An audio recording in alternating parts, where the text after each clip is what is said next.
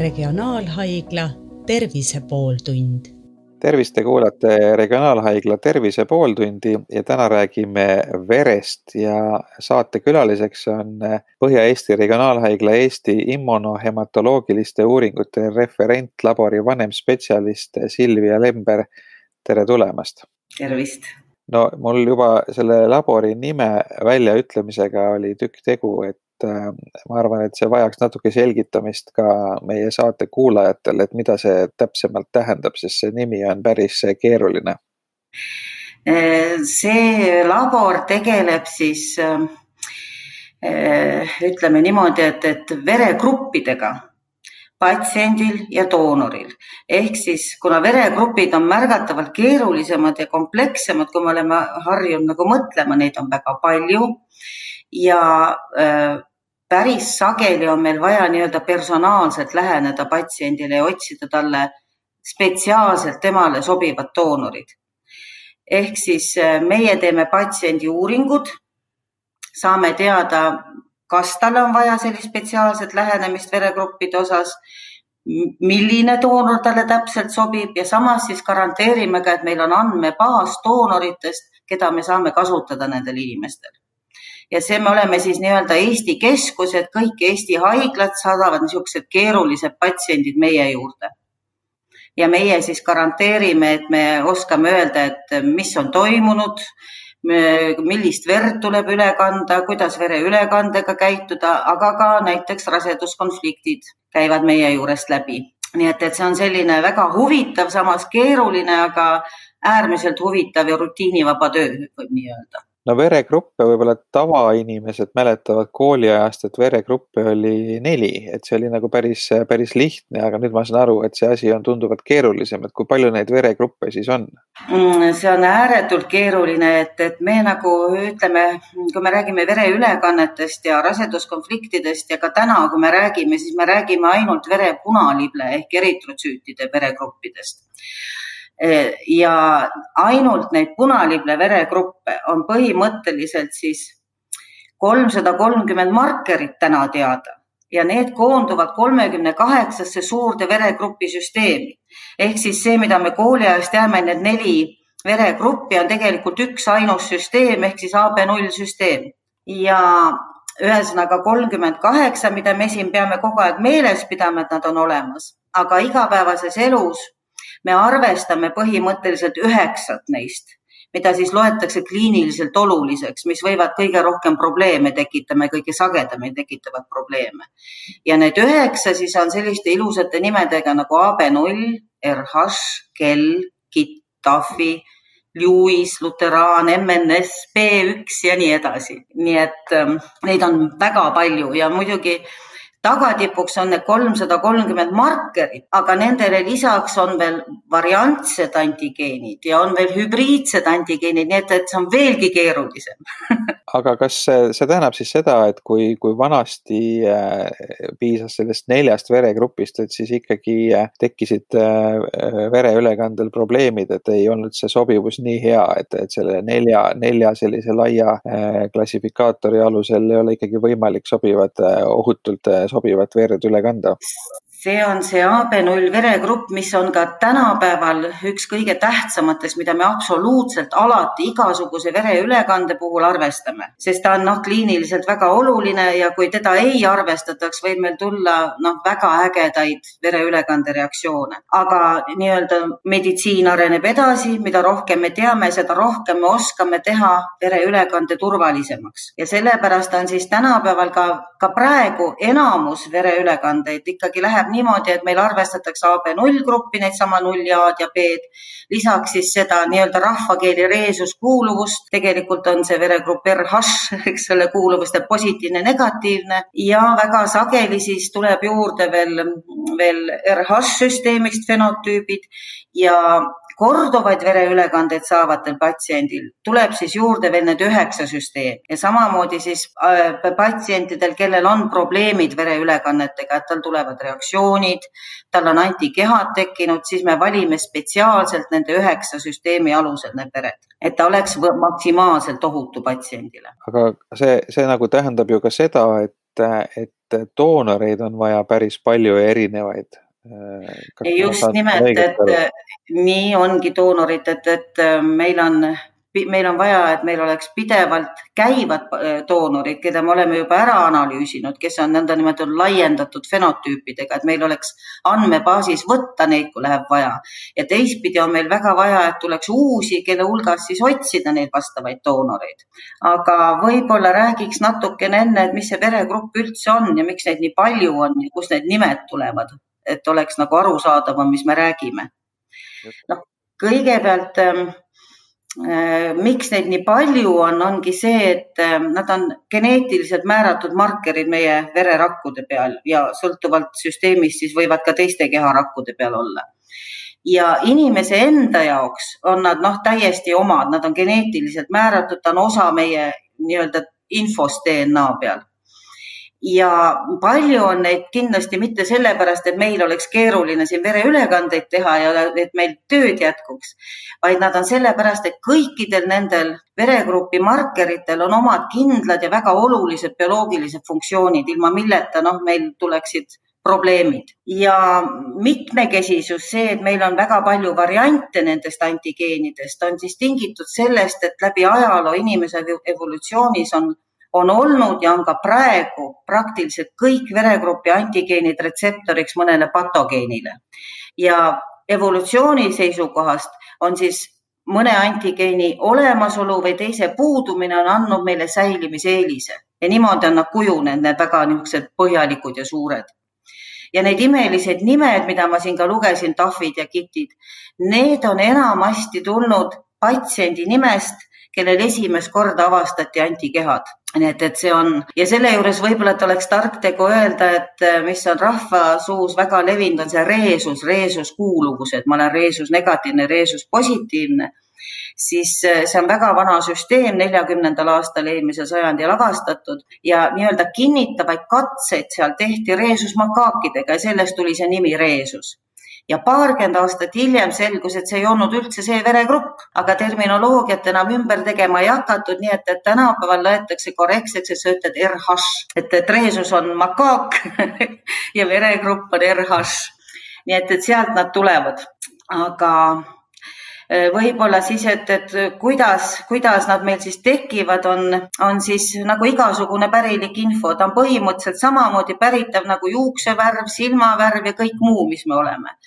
ja meeldetuletuseks jälle kooliajast, nagu me mäletame, meil on nelikümmend kuus kromosoomi ehk siis kakskümmend kolm paari ja igas selles paaris on alati üks tuleb isalt ja teine tuleb emalt. ja nüüd, millises kombinatsioonis laps emalt ja isalt nüüd need vastavalt geenid või geenivariatsioonid saab, on täiesti juhuslik valik. nii et meil moodustuvad põhimõtteliselt, kui laps sünnib või laps kujuneb nii-öelda siis, siis täiesti juhusliku valiku alusel on meil kombinatsioonid sellest kolmesaja kolmekümnest, kolmesaja kolmekümnest äh, antigeenist. nii et võib vabalt öelda, et meie veregrupp, kui me võtame nagu mastaapselt veregrupp kui selline, ehk veregrupid, kõik need kolmkümmend kaheksa, on sama unikaalne kui sõrmejäljed. et isegi õed-vennad ei ole sarnased, nii et, et me oleme täiesti unikaalsed oma veregruppide osas ja kuna kromosoome on kaks siis on meil kogu geneetiline info duubeldatud ja sama on siis nende veregrupi antigeenidega, neid on alati kaks, nad käivad paaris. kui, kui nüüd mõlemalt vanemalt saad ühesuguse geeni, mis kodeerib siis seda ühesugust antigeeni, siis on meil kahekordses hulgas ühte ja tema paariline puudub. kui me saame, kui me saame ühesugused, siis on ühesõnaga mõlemad olemas ja me oleme nii-öelda heterosügootsed nii et, et kui ütleme niimoodi, et umbes pooled või natuke vähem kui pooled sellest kolmesaja kolmekümnest on siis sellised veregrupi markerid, mis on praktiliselt noh, väga paljudel inimestel, seitsmekümnel protsendil kuskil olemas. ja ülejäänud on siis need, kus siis on üks paariline on ja teine on puudu ehk inimene on negatiivne selles osas. ja vot sealt hakkab tulema siis see eripära, et me oleme erinevad, üks on ühes osas negatiivne, teine teises ja kui me paneme kokku kasvõi ainult need üheksa üheksa nagu tähtsamat süsteemi, siis seal tuleb juba suur hulk võimalikke variatsioone. nii. aga kuidas siis, kui see variatsioonide hulk on nüüd nii suur, et millised neist on nüüd kriitilised vereülekande puhul, et ma saan aru, et et kui iga inimese veri on unikaalne nagu sõrmejälg, siis ei ole ju võimalik leida doonorit, mis, mis oleks täpselt sobiv. jah, täpselt, täpselt sobivat doonorit ei olegi võimalik leida, nii et, et äh, siis arvesta, ütleme nagu probleemitu või tavapärase avariide või, või nii edasi tagajärjel, kui on vaja vereülekannet, siis enamasti arvestataksegi AB nulli, RH kuuluvust, kas sa oled negatiivne või positiivne, RH süsteemist on veel see veel neli tähte, mis me määrame ehk nõndanimetatud fenotüüp ja siis kellsüsteemi. Need on need, mida me arvestame alati ja kui on siis ka näiteks onkohematoloogilised patsiendid või, või lapsed näiteks, kellel elu on ees või on krooniliste haiguste tõttu, kus me teame, et patsient hakkab vajama korduvaid vereülekandeid, siis tulevad mängu juba need ülejäänud kellid, tahvid, kitid, nii-öelda need ülejäänud kliiniliselt, terve see suur rida eh, veregruppe. Ja muidugi eelkõige, mida teevad kõik haiglad ja mida ka meie siin teeme, on kogu see küsimus on selles, et, et kui nüüd inimesel on osad antigeenid on olemas, osad ei ole olemas, siis kui ta puutub kokku võõra verega ja see on siis võimalus enamasti vereülekanne või rasedus, siis tema immuunsüsteem üldiselt reageerib sellele. Ja ta võib tunnistada selle temal endal puuduva antigeeni võõraks ja võib käivituda meil immuunvastus ehk antikehade teke. ja kui inimesel on need antikehad tekkinud kord elus, siis ta peab kuni oma elu lõpuni alati saama spetsiaalselt valitud antigen negatiivset vereülekannet. ja paraku on niimoodi, et, et äh, meie põhipatsiendid, kes siin meie käest läbi käivad, et nendel on mitte ühed antikehad, vaid kolme, nelja, isegi viie ja kuue süsteemi vastased antikehad ehk siis see doonor, keda me valime, peab olema selline, kel siis on täpselt selline vajalik kombinatsioon neljas, viies, kuues, võib-olla rohkemas süsteemis tal osad antigeenid puuduvad. nii et, et äh, see on selline töö, mis, mis äh, noh, nõuab seda, et meil oleks palju doonoreid. kuidas te üldse nii täpselt leiate, et äh, noh, tavainimene teab, et kutsutakse üles, et tulge doonoriks, sest ma arvan, et et e, mina näiteks ei tea ja enamik inimesi ei tea peale selle neljasüsteemse veregrupi enda. jah, kas sama poiss või peenek no just ja, ja, ja, ja muud, muud ei tea, et kas kas inimene, kõigepealt, et kas inimene nagu võiks või peaks äh, enda selle veregrupi täpsemalt ära laskma määrata, et, et, et tal oleks see teada, on sellel üldse mingit mõtet? Ja, ja, ja teine sellega haakuv küsimus on nüüd see, et kuidas te leiate siis need nii, nii täpsed doonorid ülesse? Äh, no sellist pikka põhjalikku veregruppi ei ole tarvis teada, piisab, kui inimene teab oma AB0 ja RH kuuluvust. Aga see on nii-öelda meie jaoks teada, sõltuvalt patsiendi nii-öelda diagnoosist ja kliinilisest seisundist, on siis, see on nagu nüüd see meie rada panda paika, kellel on siis vaja seda pikka teha. aga mm, kuidas me leiame, see ongi siis meie nii-öelda know-how me ja mikspärast igal pool maailmas on selleks referentlaborid, sest see on väga mahukas töö, meil läheb väga palju materjale, meil peab olema nii-öelda teadmisi ja, ja selle alusel me siis lihtsalt võtame oma korduvad doonorid, kui doonor on juba teist või kolmandat korda käinud, siis, siis me üldiselt hakkame nendel tegema nii-öelda laiendatud fenotüüpi, nii et, et see on ikkagi inimestel, kes on doonor, et me saame teda kasutada ja teistpidi on siis eh, nii-öelda neid korduvaid vereülekandeid vajavad patsiendid.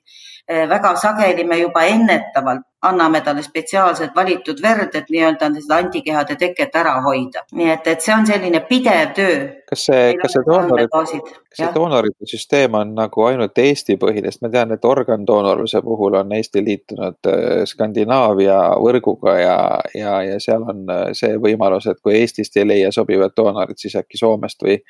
Rootsist või kuskilt äh, mujalt Skandinaavia maadest, kas vere, veredoonorlusega on sama lugu, et äh, vajadusel saab ka välismaalt doonori? ja siin on täpselt sama, et äh, me muidugi püüame hakkama saada oma inimestega, sellepärast et need nii-öelda haruldased veregrupid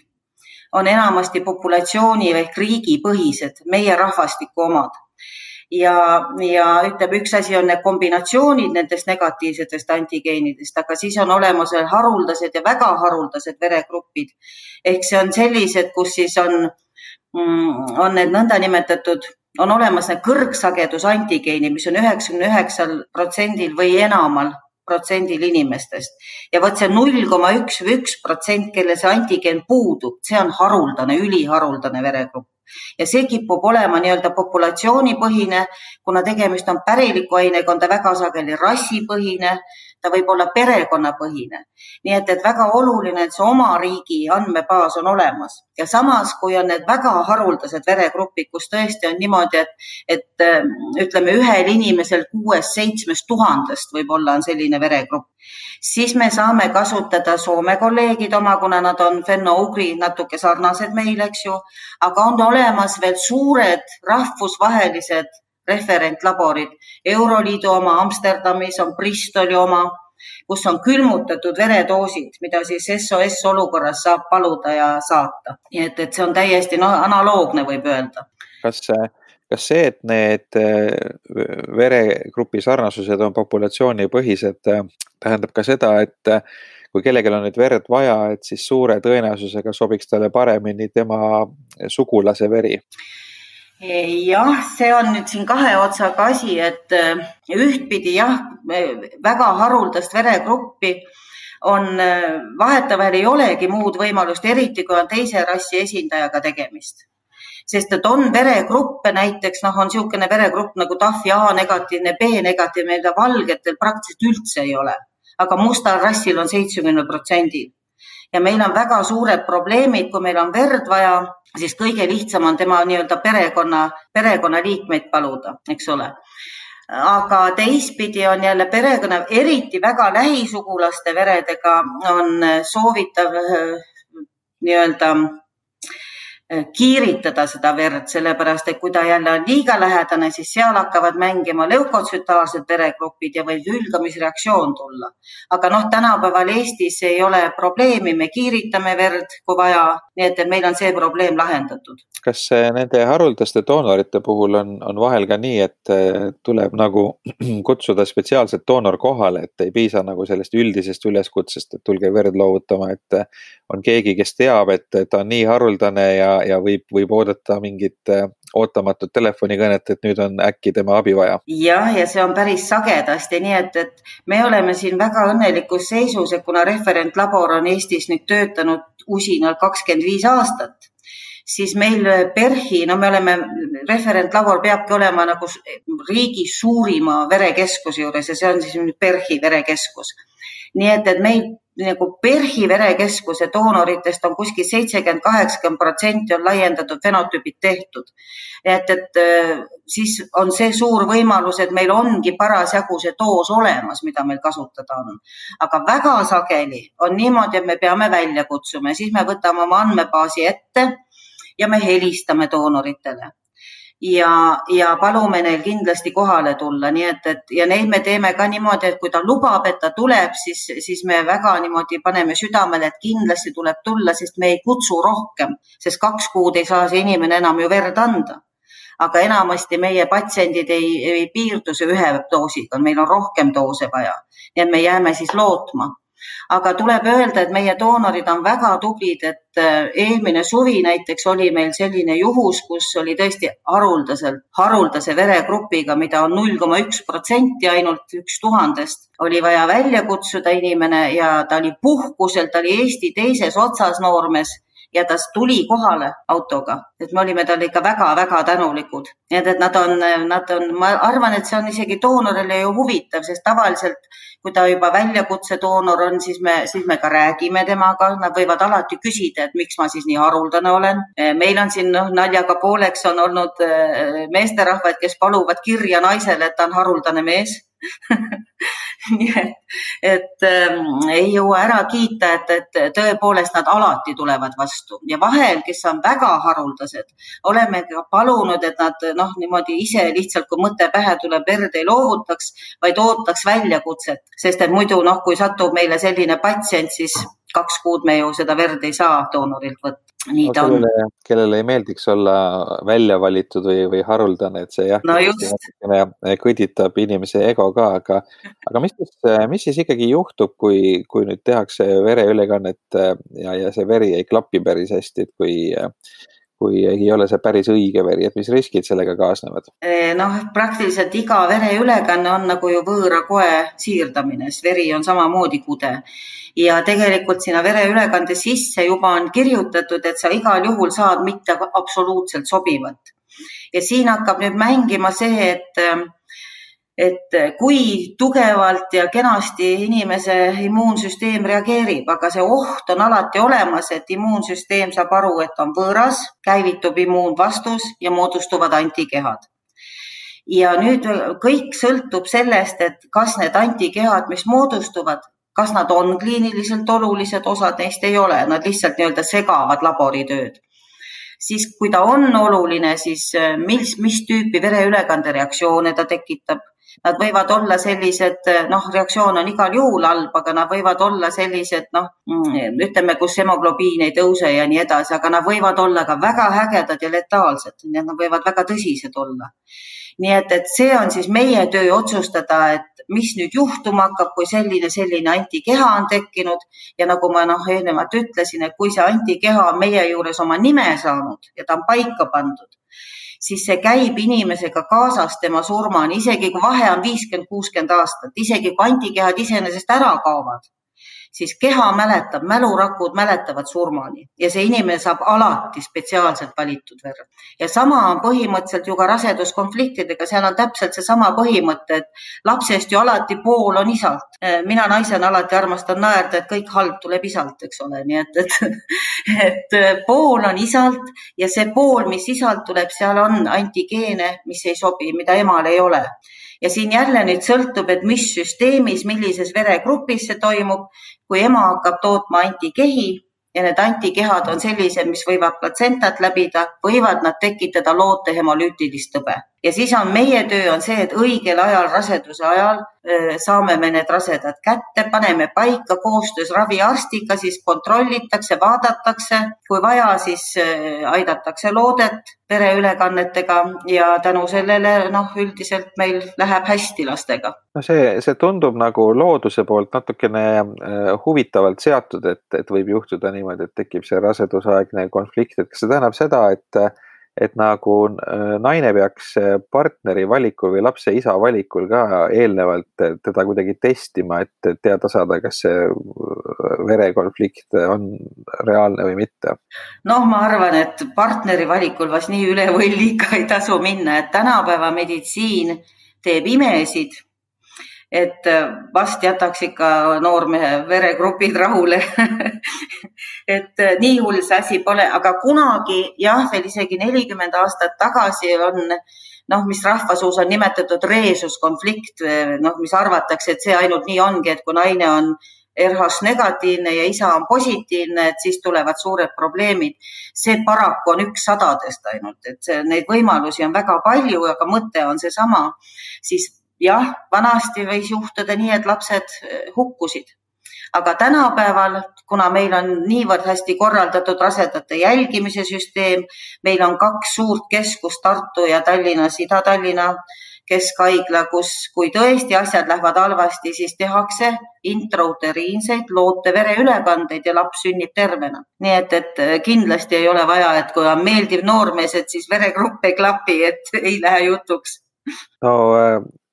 vereülekanne on seotud paljude riskidega ja, ja me teame, et praegu on levinud äh, vaktsiinivastasus. kas, äh, kas te olete kokku puutunud ka selliste liikumistega, kes äh,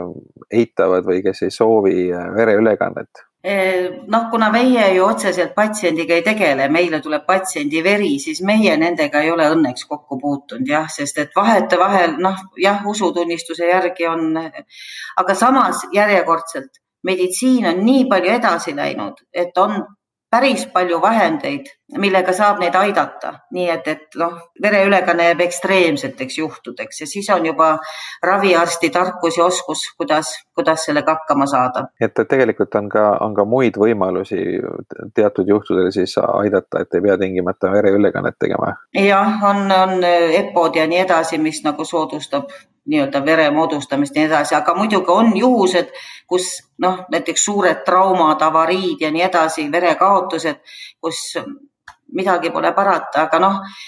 see on inimese otsus, ega me midagi teha ei saa, kui ta on täiskasvanud normaalse mõistuse juures inimene, siis ta teeb oma otsuse, ega me vägisi, vägisi ei saa kellegiga midagi teha. no üks äh, huvitav teema veel on äh, veregrupi dieedid ja, ja see on jällegi see valdkond, äh, mida mõni võtab väga tõsiselt, mõni peab ja. seda rohkem selliseks müstikaks, et mida teie kui selle valdkonna spetsialist ütlete? ja ma,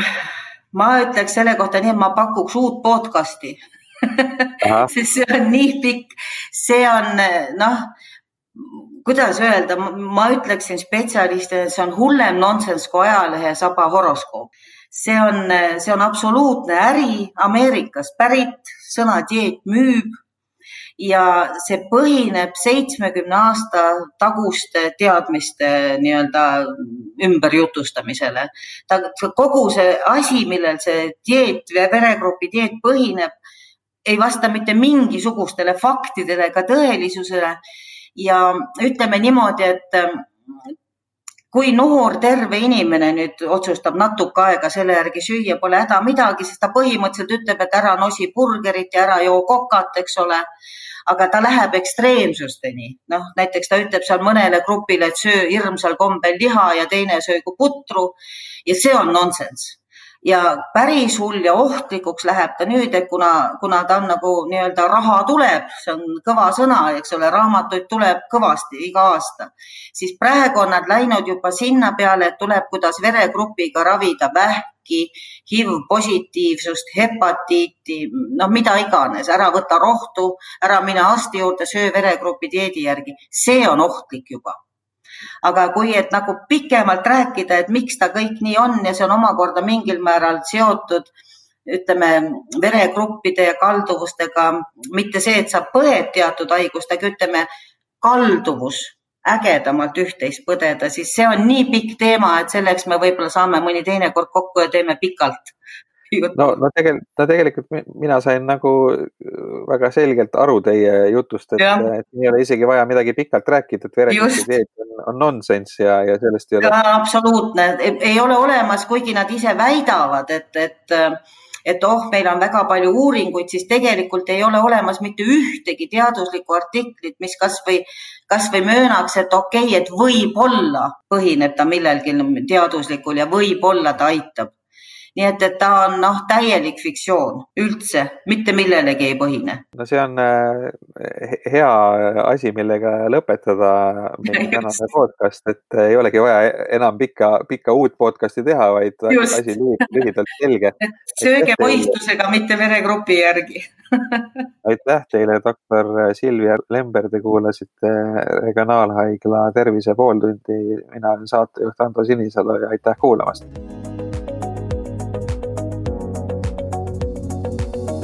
Regionaalhaigla Tervise pooltund